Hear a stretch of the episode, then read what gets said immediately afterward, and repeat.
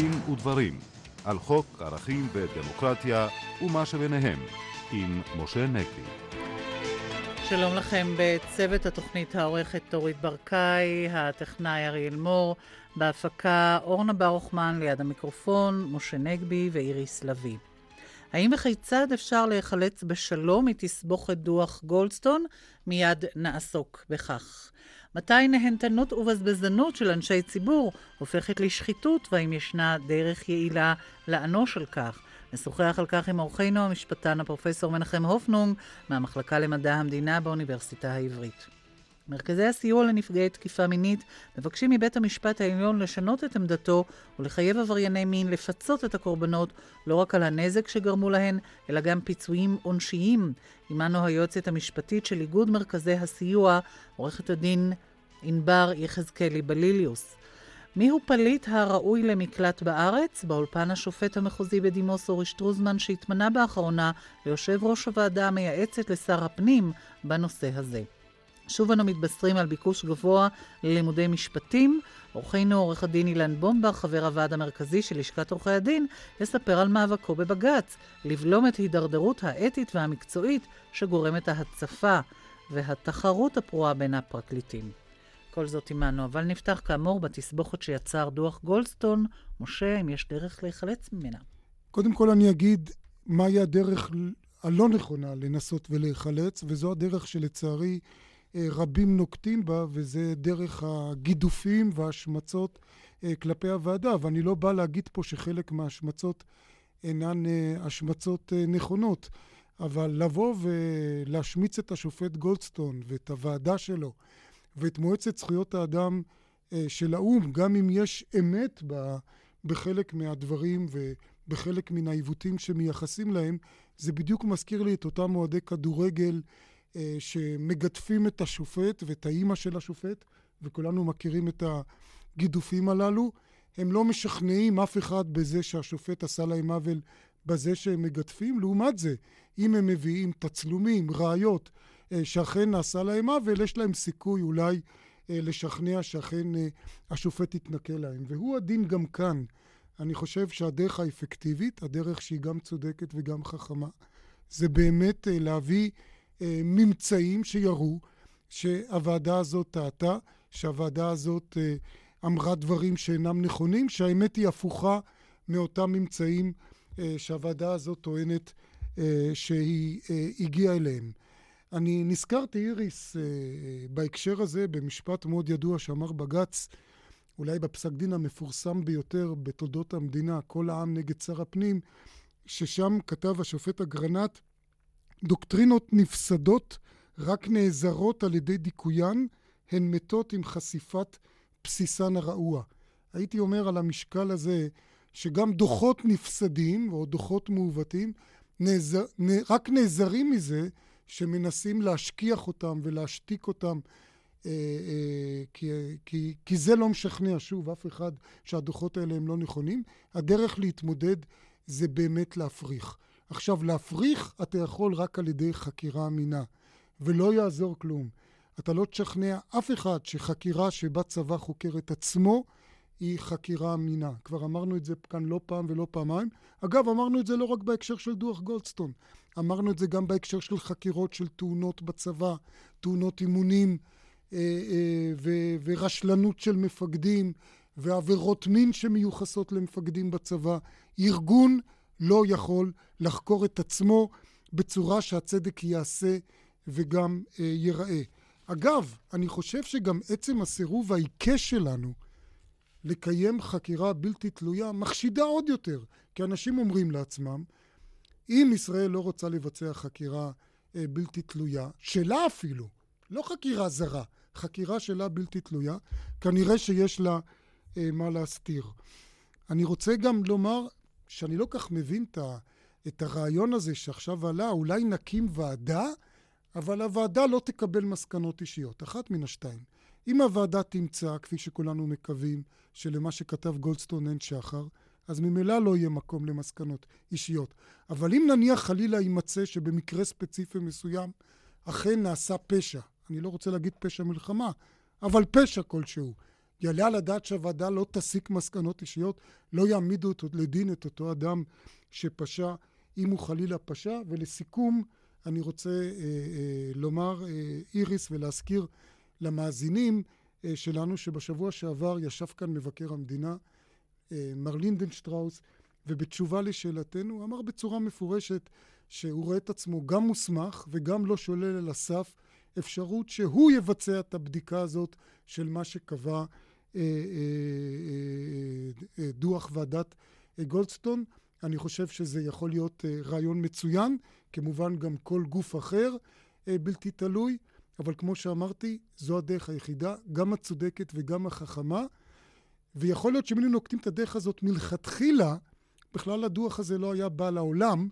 בעצם השופט גולדסטון אומר את זה בצורה אה, די ברורה אה, בדוח עצמו, אבל מוטב מאוחר מאשר אה, אף פעם. השופט שטרוזמן, איך אתה רואה את הדברים? אני תמיד שמח שאני בא לכאן ושומע דברים של תמימות רבה, כאילו אנחנו חיים בעולם שכולו טוב ורק מחפשים את האשם שיעמוד לדין. השאלה העיקרית שעומדת אה, בפנינו היא מה מותר ומה אסור לצבא בזמן מלחמה. דוח גולדסטון קורא לנו צבא כיבוש, ללא הבחנה בכך שאנחנו לא שולטים בעזה. בעזה יש שלטון חמאס שהם מחומשים מכף רגל עד ראש שכל בחור שם הוא שונא שלנו. אם היינו שולטים שם כמו ששלטו נגיד האנגלים בישראל, היינו מצפים לכך שחיילי ישראל ייכנסו לבתים בעזה, ידפקו על הדלת, ועל פי הכללים של הגברת חנה בבלי ז"ל, שואלים בנימוס אם יחכה כאן מחבל או לא.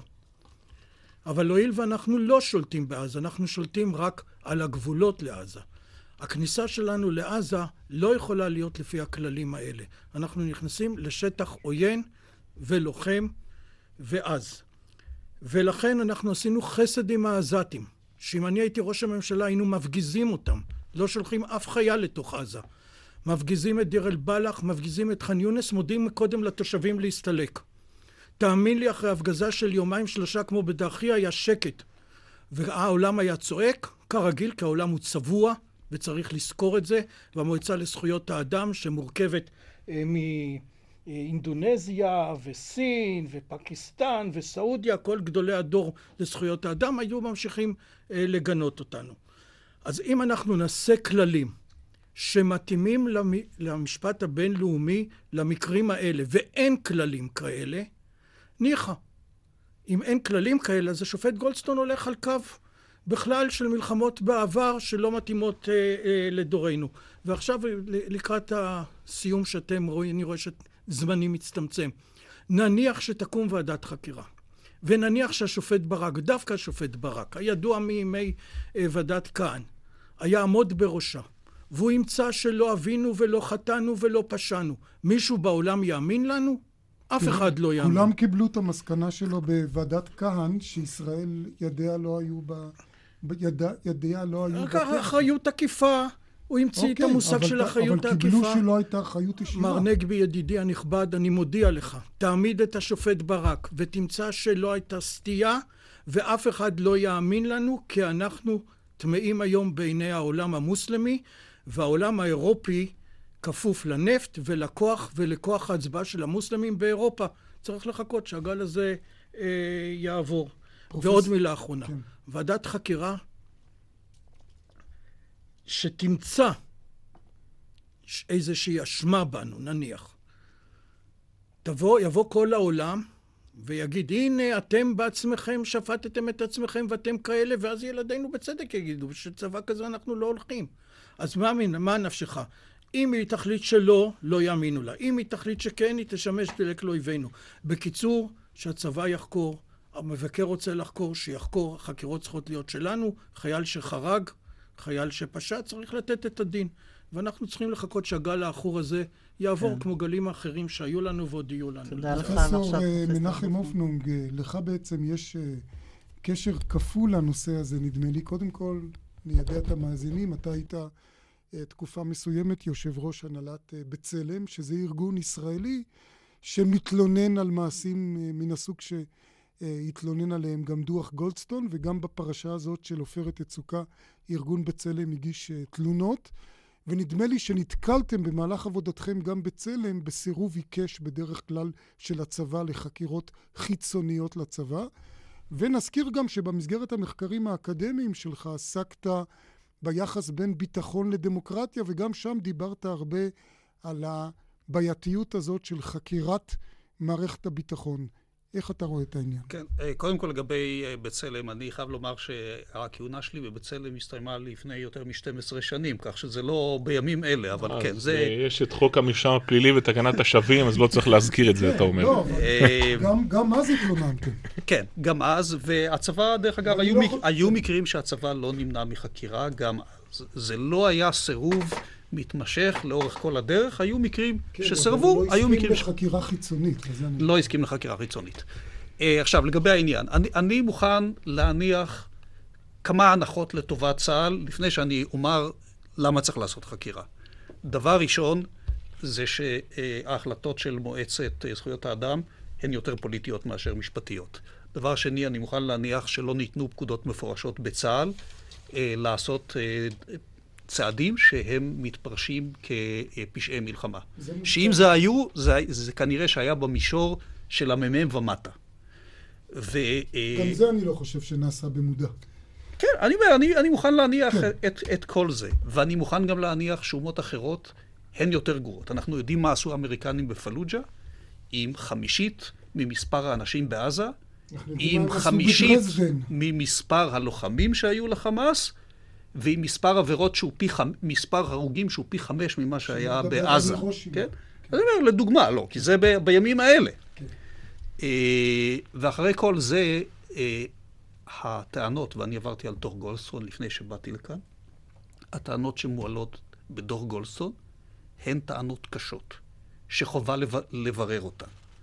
אני גם מניח שבמישור של הכיתה או החייל הבודד, היו מקרים. על סמך מה אני מניח דברים כאלה?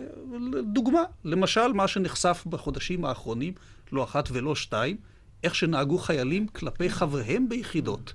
אז להניח שהם ינהגו כלפי אויבים יותר טוב ממה שהם נוהגים, מעטים אמנם, אבל היו מקרים כאלה בצה"ל, ממה שנוהגים כלפי חברים, זאת הנחה שהיא צריכה הוכחה. וההוכחה הזאת יכולה לעשות רק בדרך של בדיקה. הכללים בעולם השתנו, לא רק אנחנו נדרשנו אה, למסור דין וחשבון על מה שקורה, זה נוהל שהוא הולך ומתגבר בקהילה העולמית. לא כולם עדיין עומדים בקנה המידה האלה, אבל זה פחות או יותר מה שקורה. במיוחד למדינות שהן יותר חלשות, וכדאי שנכיר בכך שהכללים השתנו. עורך דין אילן בורבך, רצית עוד להגיד? כן, עגנון אמר כשנגנב הסוס נועלים את האורווה. היה צריך לעשות את כל השיתוף פעולה עם גולדסטון כבר כשזה היה בעיצומו ולא היה צריך להתנער ולהתעלם.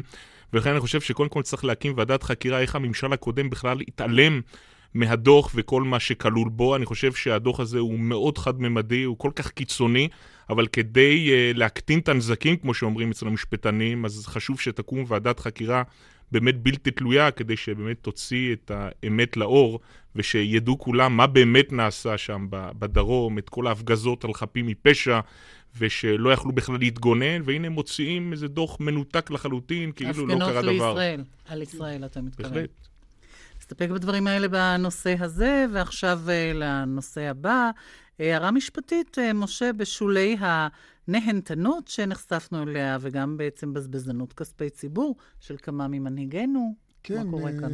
מספר המנהיגים הזה הולך וגדל מיום ליום. זה התחיל מאהוד ברק, ואחר כך קראנו על דליה איציק, והיום כבר על אה, רובי ריבלין. ואגב, אני חושב שטוב מאוד שהדברים נחשפים קודם כל. אבל אני רוצה קודם כל לעשות את ההבחנה הברורה ולהגיד שכאשר אדם הוא נהנתן ובזבזן, בכספו שלו, זה אולי מעורר סלידה, זה אולי יש בזה טעם רע. אה, כמו שאומרים, על טעם וריח אין להתווכח, זה אולי גם מעיד על איזושהי דקדנטיות אה, חברתית, אבל זה בוודאי לא עבירה על החוק.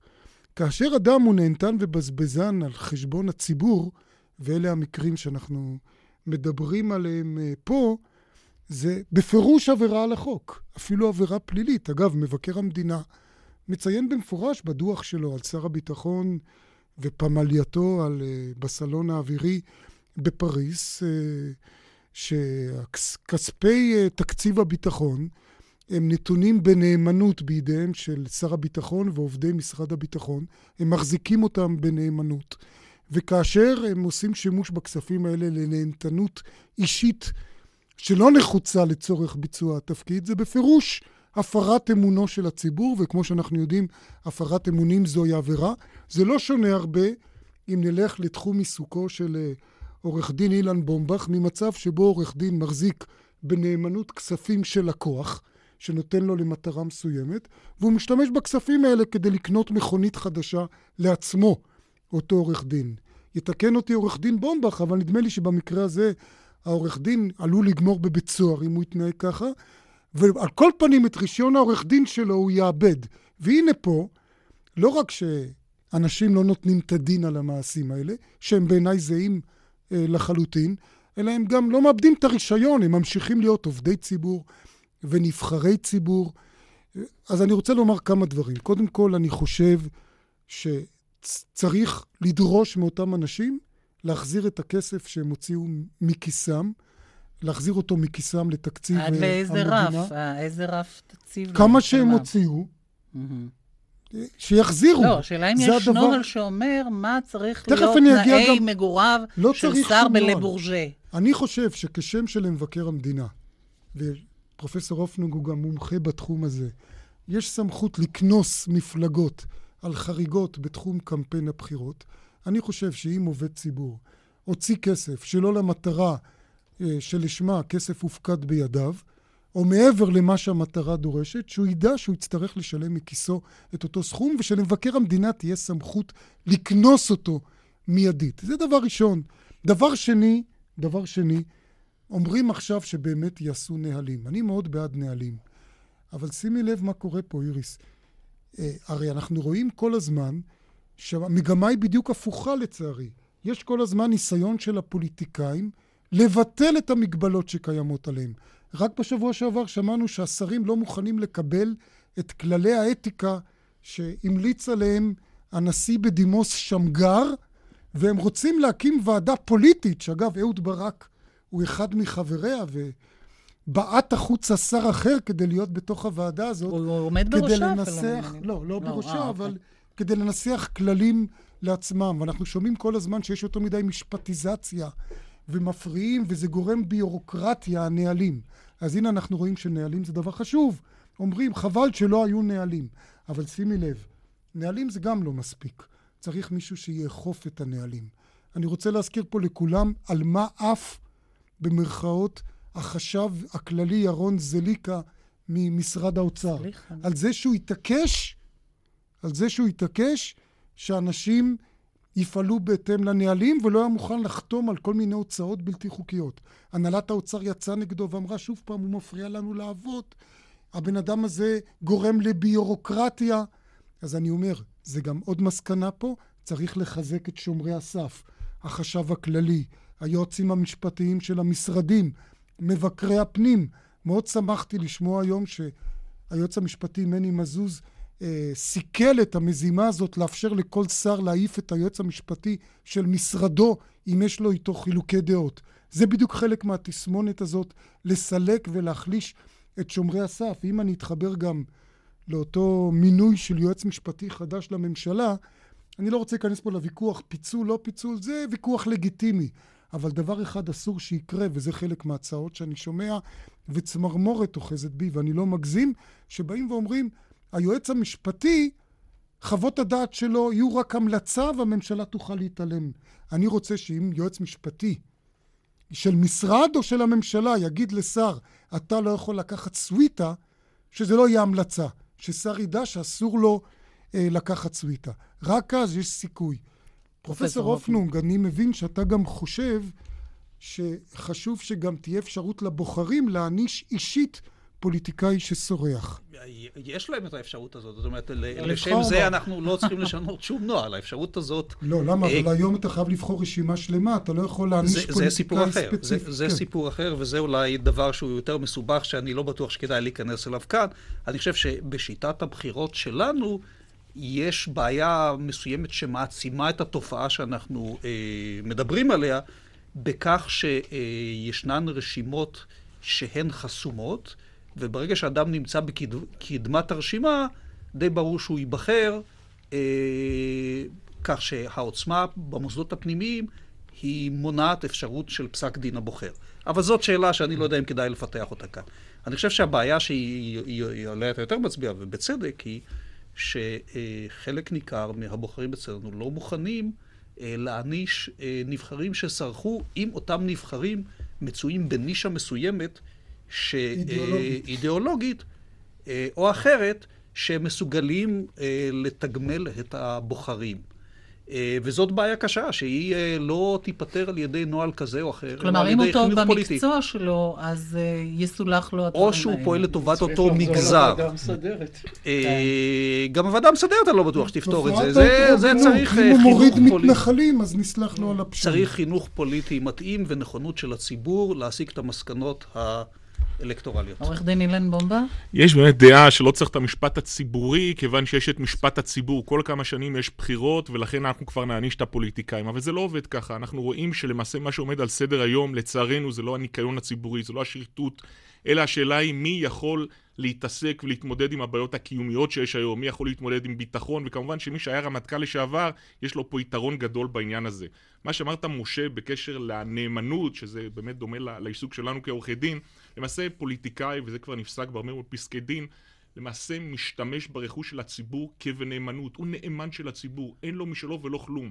כל מה שיש לו אכן שייך לציבור. ולכן לא מדברים על זה שפוליטיקאי צריך לנהוג סגפנות יתר. כבר עברנו לצערנו את התקופה הזאת, אבל הגענו כבר לקיצוניות השנייה. כבר פוליטיקאים לא רואים שהם מאוסים איך שהם מתנהלים. והשאלה שהם צריכים לשאול את עצמם, האם אתם באופן אישי הייתם באים, שוחים על חשבונכם את אותה סוויטה? ואפילו בהנחה שהדבר הזה נכון, ונניח בהנחה שאתה רוצה לגור במגדלי אקירו, ועם זה אין לנו שום בעיה, האם על חשבון הציבור אפשר להוציא הוצאות אדירות כל כך? אני גם חושב שצריך באמת לבוא ולהשית על פוליטיקאים כאלה באופן אישי את ההוצאות שהם נכנסות, הם נכנסים אליהם. ודבר אחרון, נקודה אחרונה, אני חושב שחשוב שתהיה פה שקיפות, הרי הגילויים האלה באו במקרה. ראינו היום בעיתון שלמשל יושבי ראש הכנסת הקודמת והנוכחי באו והעלילו ככל הנראה זה על זה וככה דברים יצאו החוצה. באופן דומה גם הסיפור של ברק ודליה איציק יצא החוצה. זאת אומרת אין מין סדר, אין אה, משטר ברור. זאת אומרת, הציבור צריך לקבל צריך לקבל אה, דיווח, דיווח צריך שתהיה ביקורת, שידעו, ולא שתהיה, במיוחד שמשרד הביטחון זה מין חור שחור של כספים, שלא יודעים איפה אה, באמת הכספים הלכו. בכל המשרדים יש קיצוצים, רק משרד הביטחון, אה, הכל אה, עורכת דין ענבר יחזקאלי, בעניין כן, הזה? באותו הקשר, אה, חשוב לציין ששחיתות ציבורית אה, היא לא רק אה, נמצאת במקום של כספים והזמנת אה, מלונות פאר, היא נמצאת גם במקום של פגיעות מיניות, שאנחנו רואים אה, אנשים בכירים, אה, אה, חברי כנסת, שרים, והיום גם את נשיא המדינה לשעבר, שנאשמים בשחיתויות מיניות, שמעבר לעובדה שהן פגיעות ועבירות פליליות חמורות, אנחנו רואים שזה גם שחיתות ציבורית במובן הזה של איפה היה את כל הזמן לבצע את עבירות המין שבהם הוא מואשם על חשבון זמן העבודה והשליחות הציבורית שהוא היה נתון בה. נסתפק בדברים האלה, חצי דקת פרסומת, עדכון חדשות, ונשוב כאן בדין ודברים רשת ב'.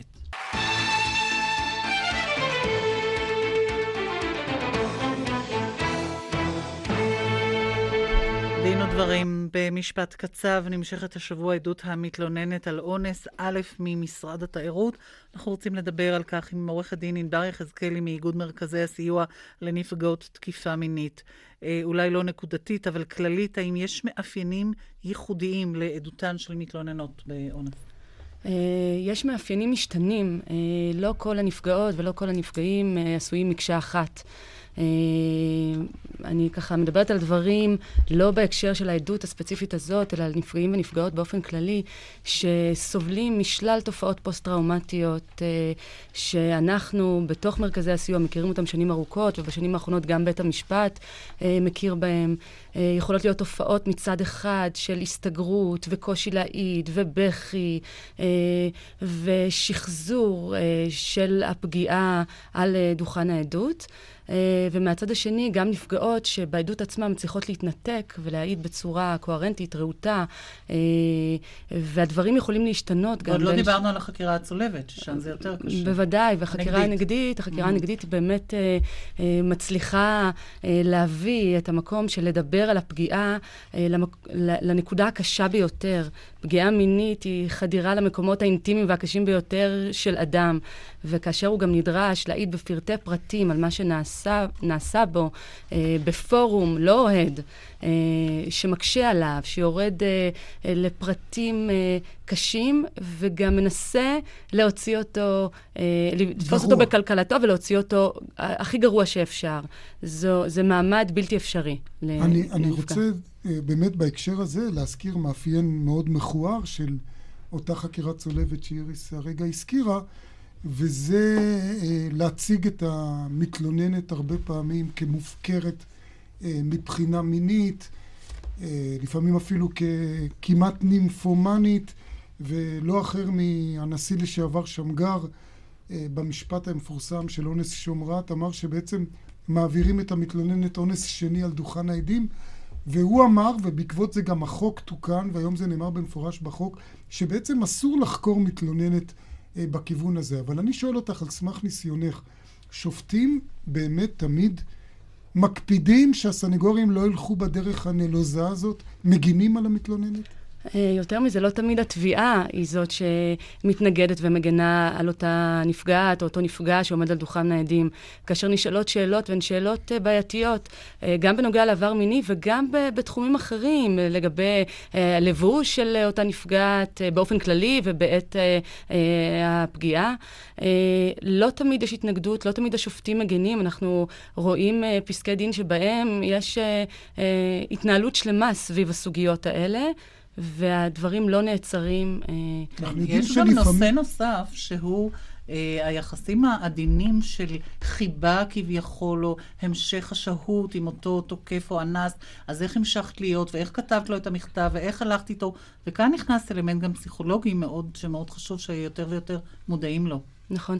Uh, בעצם uh, ציבור השופטים, כמו הציבור הרחב, uh, שבוי בתפיסות עולם uh, שהן uh, מעבר לחוק. זאת אומרת, גם אם החוק מגדיר את עבירת האונס כחדירה ללא הסכמה, הרבה פעמים השופטים... ללא הסכמה חופשית. ללא הסכמה חופשית, כמובן. Uh, הרבה פעמים uh, השופטים נאחזים בכל מיני פרטים אחרים שלא רלוונטיים לעבירה עצמה. אפילו הלבוש. אפילו הלבוש. הלבוש, העבר המיני, uh, מערכת היחסים, המכתבים שנכתבו אחר כך, כן נכתבו, לא נכתבו, אה, מערכת היחסים אה, אה, שהייתה לפני והייתה אחרי, שלא רלוונטיים לעבירה עצמה. אה, וזה חלק מהמאבק שלנו, אה, גם בהקשר הזה של משפט קצב, ברמה הציבורית ובמשפטי אה, אה, אונס אחרים. אה, לנסות ולצמצם את הדיון המשפטי לעבירות עצמן, ולא לעשות uh, שיח, uh, לקיים שיח כל כך אלים כלפי אותן נפגעות שבעל כורחן, במקרה הזה, נגררו לבית המשפט. כן, בהקשר הזה אני רוצה פה להעלות uh, לדיון את הסוגיה, גם המשתתפים האחרים פה בתוכנית אולי ירצו להתייחס, שגם עוררה uh, דיון בתקשורת, אותה החלטה של בית המשפט המחוזי שדחה את בקשת העיתון ידיעות אחרונות לפרסם את העדויות של המתלוננות, גם א' וגם המתלוננות האחרות בתיק הזה, אה, לדחות את הפרצ... אה, לא לפרסם את העדויות שלהם מיד לאחר נתינתן. על כולנו מוסכם שזהותן לא תיחשף, זה גם החוק אומר, אבל המדובר פה בעדות בלי הזהות של אותה מתלוננת. איך את רואה את זה? כי אני אומר לעצמי, אולי אם העדות, אם השופט ידע שהעדות כן תתפרסם והתביעה תדע, הם יותר יקפידו על אותם דברים, כי הם ידעו שגם הם עומדים לפיקוח שלנו, אם הם באמת הגנו או לא הגנו על אותה מתלוננת. אה, מצד אחד, אני מסכימה עם הדברים שאתה אומר. יש חשיבות גדולה מאוד אה, לעין הציבורית, שתצליח להגיע, אה, לשמוע את העדויות, להבין מה מתנהל שם מאחורי הדלתיים הסגורות, להבין מה עובר על הנפגעות באולם בית המשפט. אבל מן הצד השני, יש, ישנן את הנפגעות עצמן. החשיפה זה הדבר הקשה להם ביותר. גם היום, פגיעה מינית הוא נושא שנשים מרגישות אשמות בו. נשים נשים וגברים, מרגישים שאולי היה להם חלק בדבר הזה. זה לא דבר שאתה רוצה לספר עליו בחוצות העיר ולהיחשף. וחלק מהרצון לפתוח את הדברים ולהיחשף בתקשורת, הוא גם יכול להיות מאוד מאוד מאוד מבהיל עבור... חלק מהאי רצון. האי רצון, נכון. רצון להיחשף. השופט שטרוזמן? מספר הערות. אם תקשיבו לשיחות בין פרקליטים, גם כולל פרקליטי מחוז, או פרקליטת, פרקליטת מחוז, וגם שופטים, המצב היום הוא שאם אישה מתלוננת, הסיכוי של הגבר לצאת זכאי שואף לאפס. אני אהיה חייבת... בסדר, תגיבי, אבל אני מדבר על השיחות ועל התחושות ועל הדברים שישנם. ואם הוא יצא זכאי, התקשורת תהרוג אותו. סליחה על הביטוי הקיצוני הזה. מה שקורה באולם בית המשפט, ואני מדבר מתוך ניסיון, שמעתי לא מעט משפטי אה, אינוס בעניין. הדלתיים צריכות להיות סגורות, צריך להרחיק את השוטרים שמלווים את הנאשם, להשאיר רק אחד שישנו, להשרות אווירה אינטימית ככל האפשר. ההגבלות על שמיעת עדותה של המתלוננת צריכות להיות נובעות אך ורק מעצם הדיון של התיק. אין לשופט כלים, ולא אלוהים שלח את מלאכו לתת לו השראה אם הוא דובר אמת או לא, אז אין לו ברירה אלא לשמוע מי המתלוננת. לפעמים חשוב מאוד לדעת מה עברה, לפעמים מאוד חשוב לדעת אם היא קלה בתנועותיה לגבי גברים אחרים, כדי להסיק את המסקנות. אחרת המסקנות תהיינה מוטות. המילה האחרונה, משפט דרייפוס, סיפר לי עורך דין גדעון חסיד ז"ל. התיק שלו הוא מאוד עבה. מדוע? משום ששם באו עדים כדי להעיד אם אפשר להאמין לעדים העיקריים. ואנחנו משאירים את הכל רק לתחושת הבטן של השופט. ועכשיו רוצים גם להוציא ממנו את הכלים שמהם הוא יוכל להסיק מסקנות, לא עולה על הדעת. לעניין הפרסום, לדעתי הכל צריך להיות סגור לחלוטין, הרמטית, במשפטים של עבירות מין. כתבתי פעם בהחלטה החלטות, ארבע פעמים נאנסת אישה. פעם בפועל, פעם במשטרה, פעם בעדות ופעם בתקשורת. אם המתלוננת רוצה לפרסם את כל חוויותיה המיניות, תפרסמו. אם לא, תנעלו את הדלתות. כולנו יודעים מי המתלוננות אם אנחנו רוצים. אז אל תספרו לנו סיפורים, פרטי זהות לא ידועים. אוקיי, okay, לגבי הדברים האחרונים, שאישה, אה, בעקבות האונס, כשהיא עומדת על דוכן העדים, היא הרבה פעמים מרגישה וחווה אה, אונס נוסף, עם זה אני בוודאי מסכימה. אבל אני לא מסכימה שכאשר אדם עומד אה, למשפט בעבירות מין, הסיכוי שהוא יצא מזה חף מפשע הוא אפסי. ההפך הוא הנכון. אה, הרוב המכריע של, של נשים שמגישות אה, תלונות בגין עבירות מין נסגר, 64 אחוז, אה, וזה הנתון מהשנה האחרונה, אה, מהתלונות על עבירות מין נסגרים כבר בשלב המשטרה והפרקליטות ולא מוגש בהם כתב אישום מסיבות שונות. אה, ולכן הדרך הארוכה שצריכה לעבור נפגעת עד, עד אשר אה, ניתן לה יומה מבחינתה בבית המשפט היא דרך ארוכה. אה, ולכן כל הנסיבות האלו, כל השתלשלות הנסיבות היא אחרת מכפי שהוצג. כן, אולי עוד נושא אחד, אתם גם אה, פניתם ועתרתם אה, להוסיף גם פיצויים עונשיים לקורבנות תביעה אה, מינית בשל הנזק העתידי, אני מבינה, שנגרם בדרך כלל, והטיפולים העיקריים שהן צריכות אה, לעבור. גם. אה, איגוד מרכזי הסיוע, שאני מגיעה ממנו, יחד עם מרכז תמורה, אה, פנינו בבקשה אה, לבית המשפט העליון להצטרף כידידות בית המשפט לעתירה לקיומו של דיון נוסף בסוגיה של פיצויים עונשיים. פיצויים עונשיים הם בעצם סוג של קנס אזרחי שבית המשפט יכול להטיל בתביעות נזיקיות שמגיעות אחרי או בנפרד אה, מהליך פלילי שהתנהל באותו עניין. Uh, ההלכה שנפסקה על ידי בית המשפט העליון, שאנחנו כמובן לא מסכימות איתה, ואנחנו חושבים שראוי לקיים בה דיון נוסף בהרכב רחב של שופטים, היא שכאשר מתקיים הליך פלילי, ואותו אדם מורשע בפלילים, הוא כבר, נענש, הוא כבר נענש, ולכן אה, אין צורך בהרתעה נוספת ועונש נוסף. אנחנו חושבים שההפך הוא הנכון, לענישה כלכלית. יש כוח גדול, יש כאן מסר חשוב. גם חינוכי. גם חינוכי, שבית המשפט צריך uh, להוציא תחת ידיו, שעל עבירות חמורות מן הסוג הזה uh, קיימת שאט נפש ציבורית. זו פגיעה אנושה. אה, באושיות החברה ממש. ולכן במקרים האלו, נוסף על המאסר או על הענישה הפלילית, ראוי שתתקיים גם ענישה אזרחית אה, בדמות אה, פיצויים עונשיים. נסתפק בדברים החשובים האלה. תודה רבה לך, עורכת הדין אה, יחזקאלי. אתם טועים לאורך כל הדרך. אנחנו פונים אליך מיד, השופט שטרוזמן, בעניין אחר. אתה רוצה, אם אתה יכול, אני חושב שמה שנאמר פה. העתירה, אני קראתי אותה, כי שלחתם לי אותה, זה עתירה להצטרף לדיון נוסף על נאשם בעבירת מין, שהורשע, נשפט ונקנס, וחויב בפיצויים, לרבות הערכת רוב השופטים בהרכב, שכוללים גם את הפיצויים העתידיים עד כמה שאפשר לעשות. עכשיו לבוא ולומר, על זה אנחנו רוצים גם פיצויים עונשיים, ההערה הראשונה שכתבתי לעצמי שזאת חמדנות. ההערה השנייה שכתבתי לעצמי שזה יעודד תביעות שווא. מה אתם רוצים? האיש נשפט, הורשע, שעת הנפש הובע, פיצויים הוטלו, מחשבות על העתיד הוכנסו, כל זה לא מספיק? ההערה נרשמה, כמו שאומרים, גם בפרוטוקול, ועכשיו אל הנושא שבאמת אנחנו רוצים, אתה התמנית, השופט בדימוס אורי שטרוזמן, ליושב ראש הוועדה המייעצת לשר הפנים בנושא פליטים. בואו נבין קודם כל מה באמת התפקיד שלכם ושלך. קיימת uh, אמנה בינלאומית בדבר מעמדם של פליטים משנת 1951, שעליה חתמה גם ישראל, ולפי האמנה הזאת זכאי לקבל מקלט מדיני, זה הניסוח המשפטי, או בלשוננו פליט, מי שנרדף בגלל גזעו, דתו, דתו, השקפתו הפוליטית, היותו נמנה על קבוצה חברתית מסוימת או לאומיותו. במדינת ישראל נתנו הגנה ל-157, נדמה לי, אנשים שזכו למעמד הזה, אני לא הייתי בתקופה, אבל מתוך הדוחות, ולעוד כעשרת אלפים פליטים שבאו מסודאן ואריתריאה, שהם קיבלו הגנה קבוצתית. אנחנו, המדינה נתנה את ההגנה למרות שסודאן היא מדינת אויב, מוסלמית, בנושא הזה.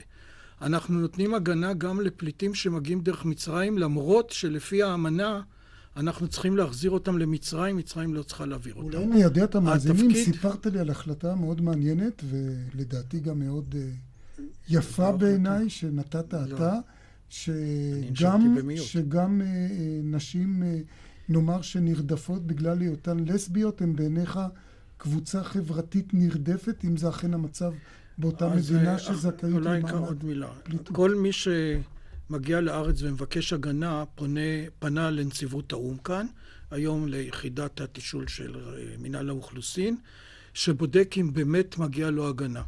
מגיעים לכאן אנשים שבורחים ממדינותיהם בגלל שהם חייבים כסף ובעד 200 דולר בניגריה מכניסים למאסר, או שהשכן טוען שהוא בעל הקרקע, הדוד, והוא יורה בשני כלומר, אתה וכדומה. אומר יש ניצול לרעה של ה... ללא כל ספק ניצול ב... באלפים, כן. מאות אלפים. היה נושא ששיחה בינינו, שעלה בפנינו ודעתי הייתה דעת אה, מיעוט, והנושא היה שמעמדה של אה, אישה שבעלה גילה שהיא לסבית והיא ברחה ממדינתה, צריך להכיר בה. שבעלה הוא בעל כוח בצבא ויכול אה, להגיע אליה בכל מקום שתהיה כדי לנקום את כבודו, והמדינה שוללת זכויות אה, אדם מלסביות או מהומואים כי הם נחשבים בהם כבעלי חיים. דת המיעוט שלי הייתה ש... יש להכיר יש בה. להכיר בה כפליט. זה לא דת התקבל? הוועדה הייתה שעניינה צריך לדון, יש גם ועדה לעניינים הומניטריים. זאת אומרת, אה, אם כאילו הסיכון שלה, משורת הדין. כן, אם אבל הסיכון מה עם שלה... הפליטים שנמצאים כבר יהיה. בארץ? וחלקם הם אולי עכשיו, פליטים, אבל נקראים מהגרי רוב עבודה. הפליטים, רוב הפליטים הם מהגרי עבודה. ברגע שהם פונים לבקש הגנה, אז עד שמתקיים הרעיון והוועדה דנה וזה מגיע לשר, הם בינתיים יכולים לבוא כשהם מעוגנים מפני uh, מאסר והטרדות המשטרה. זה, יש להם פתק של הגנה, ולכן uh, אפילו אנשים, יש אנשים שבאים ואומרים את האמת, באנו לחפש את העבודה, כי למשל בגיאורגיה אנחנו מרוויחים 100 דולר לחודש, ואנחנו חייבים 5,000 דולר, זה הון עתק. אבל האם יש הליך מסודר ומוגן לאדם כזה שרוצה מעמד של פליט, כאשר הוא כבר בא כ... לא כפליט, כי הוא בא כמבקש עבודה. אבל הוא נרדף, אני פשוט מכירה אם- במקרה אה, סיפור אישי כזה. כל אדם שהוא נרדף, שעשוי, עלול להיות נרדף, נניח שהנסיבות השתנו בזמן שהוא היה כן. כאן, אז הוא יכול לבקש הגנה של, אה, לקבל, לבקש הגנה של מקלט אה, ואז זה מדיני. שילוב של האו"ם ומשרד הפנים? האו"ם מפקח על כל הנושא, האו"ם טיפל בנושא באופן ישיר עם האנשים שלו, חלקם ישראלים, חלקם לא. היום זה עבר לרשות ההגירה, במינהל האוכלוסין, והאו"ם, נציגי האו"ם, וההחלטה הסופית היא של שר הפנים על פי העצה שלכם. כל ההמלצות, והשר כן. צריך מה עם להחליט. נושא הילדים? הנושא הכאוב של גירוש הילדים? נושא הילדים זה לא הנושא שלנו, אבל הוא נושא בעייתי כמו בנושא הפליטים. אנשים שומעים שטוב בישראל, שהכישוף בניגריה לא יכול להגיע עד ישראל, שאפשר כאן לעבוד וללדת ילדים. בטלפונים לא, הסלולריים אני מדברת על מודיעים. ילדים שכבר כאן. שהם בבית הבעיה היא לא, ספר. הבעיה, תראה, אני בעד זה שישאירו את הילדים, הם יהיו ישראלים. הבעיה היא שזה ההורים. הבעיה היא שאחר כך באים גם האחרים, ואנחנו צריכים למצוא, נגיד שכאן הגבול, אבל צריך להספיק להרחיק את האחרים בעוד מועד. נסתפק בדברים האלה. תודה לך, השופט אה, בדימוס אורי שטרוזמן. ונושא עורכי הדין. הפקולטות למשפטים מאוד מבוקשות, עשרות אלפי אה, עורכי דין בישראל, נדמה לי אחד לכל 200 אזרחים. אילן בונבך, אה, עורך הדין, חבר הוועד המרכזי של לשכת עורכי הדין, אתה עתרת להעלות את מחסומי הכניסה למקצוע. כן, היה זה לפני שנה, באוקטובר 2008, כאשר הגשתי את העתירה הזאת, הייתה תקופה שאני יכול לומר ששר המשפטים היה אז דניאל פרידמן, כבר היסטוריה, ומסתבר שיש ועדה שישבה על המדוכה, ישבה יותר משבעה נקיים, ועדה בראשות השופטת הילה גרסטל, היא ישבה עוד ב-2002, הגישה את ההמלצות שלה לשר המשפטים דאז מאיר שטרית, הרבה שרי משפטים ידענו מאז, אבל דבר מעניין קורה, שר המשפטים ממנה את הוועדה הזאת, למרות זאת, למרות הדיונים המאוד יסודיים שהוועדה מקיימת, למרות ההמלצות הברורות שיש לה, שר המשפטים פשוט לא אה, מתפנה אה, לבוא ולדון בהמלצות האלה. עכשיו, העתירה, לא, אין עניינה דווקא לקבל את כל ההמלצות, אבל יש דבר פשוט, מינית ועדה, ת, קודם כל תדון. הרי זו דרישה מינימלית, הרי הוועדה הזאת הוקמה בעקבות דיון שהיה בבג"ץ ב-2002. שאומרת מה, להעלות את הרף, להעלות הוועדה את מה... מדברת על הרף, מדברת על המצב, אני לא מדבר הארכת, כרגע על אה, אה, פרנסתם של עורכי הדין והצפה שיש, אני מדבר קודם כל על הרמה, על זה שאין חסמי כניסה, על זה שעוד מעט יש לך מה, תעודת ידע לידה ואתה כללי? עורך תן דין. לנו לא קצת. רק ידע כללי, אני מדבר על זה שהיום כדי לעבור את הבחינה ולהיות עורך דין בעזרת השם, אתה פשוט צריך לה- להראות שיש לך זיכרון לטווח קצר. זה הכישורים. מה, לבחינה? ה- כן, אתה רק צריך להראות שאתה זוכר מספרי סעיפים ותקנות וכל מיני הבחנות שהן לחלוטין לא רלוונטיות. אם הייתם שואלים כל מיני שופטים, אני בטוח שאם הם לא היו מתכוננים היטב, לא היו יכולים לעבור על הבחינה, כיוון שזו בחינה פשוט לא רלוונטית. אגב, כן ההצפה רלוונטי? גם גורמת לכך שעורך דין, אה, בגלל התחרות הפרועה בשוק, כדי להתפרנס, מוכן אה, לרדת מבחינה אתית לעברי פי פחת. בהחלט, זה, זה קורה, כותב. ואני יכול להגיד לך שכמי ששימשתי הרי כראש ועדת האתיקה וכראש ועד מחוז תל אביב והמרכז בלשכת עורכי הדין, אני ראיתי את התופעות האלה מקרוב, ראיתי גם את הירידה של המחירים. עכשיו, מי שנפגע בזה בראש ובראשונה זה הלקוח, הוא מקבל שירות ירוד.